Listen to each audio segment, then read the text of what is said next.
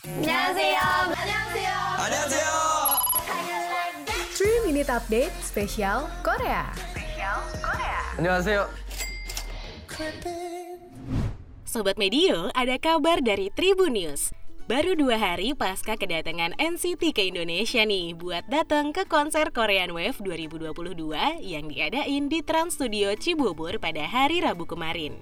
Acaranya kali ini bisa ditonton secara live streaming dan offline alias secara langsung loh. Tiket yang dibanderol seharga 750.000 dan terjual ludes. Kali ini personel NCT nggak lengkap tanpa Hechan dan Mark yang berhalangan karena ada jadwal bersama NCT 127. Tapi personel lainnya tetap tampil kece ngebawain lagu beatbox yang rilis bulan Mei lalu.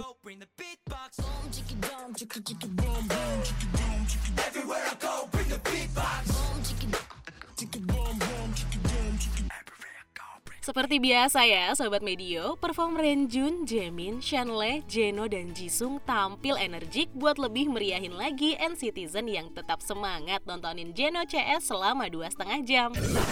Nah, di Korean Wave 2022 ini ada aja ya tingkah hostnya. Salah satunya King Nasar yang sempat naik ke panggung buat nyanyiin lagu PSY yang ikonik Gangnam Style. Fans NCT Dream ini langsung manggil Opa Nasar heboh banget deh. Di akhir penampilannya, Nasar kasih kiss baik ke NCTzen sebagai tanda terima kasih atas antusiasmenya. Selain NCT Dream, ada musisi dalam negeri juga loh. Salah satunya Ayu Ting Ting nyanyiin lagu I Think I yang jadi original soundtrack drama Korea Full House. Sehabis lagu beatbox, disusul sama lagu Hot Sauce di album pertamanya, lalu Hello Future dan juga Glitch Mode sebagai penutup juga dibawakan NCT Dream. Di sela-sela manggungnya, member NCT juga bincang-bincang sama King Nazar pakai bahasa Indonesia loh Sobat Medio. Bahkan sampai ikut bermain kata berantai juga. Seru ya? Terhitung terakhir kali NCT ke tanah air di tahun 2021, mereka juga ngaku kalau kangen sama nasi goreng khas Indonesia sama kepengen nyobain seblak. Jadi langsung pengen masakin ya Sobat Medio.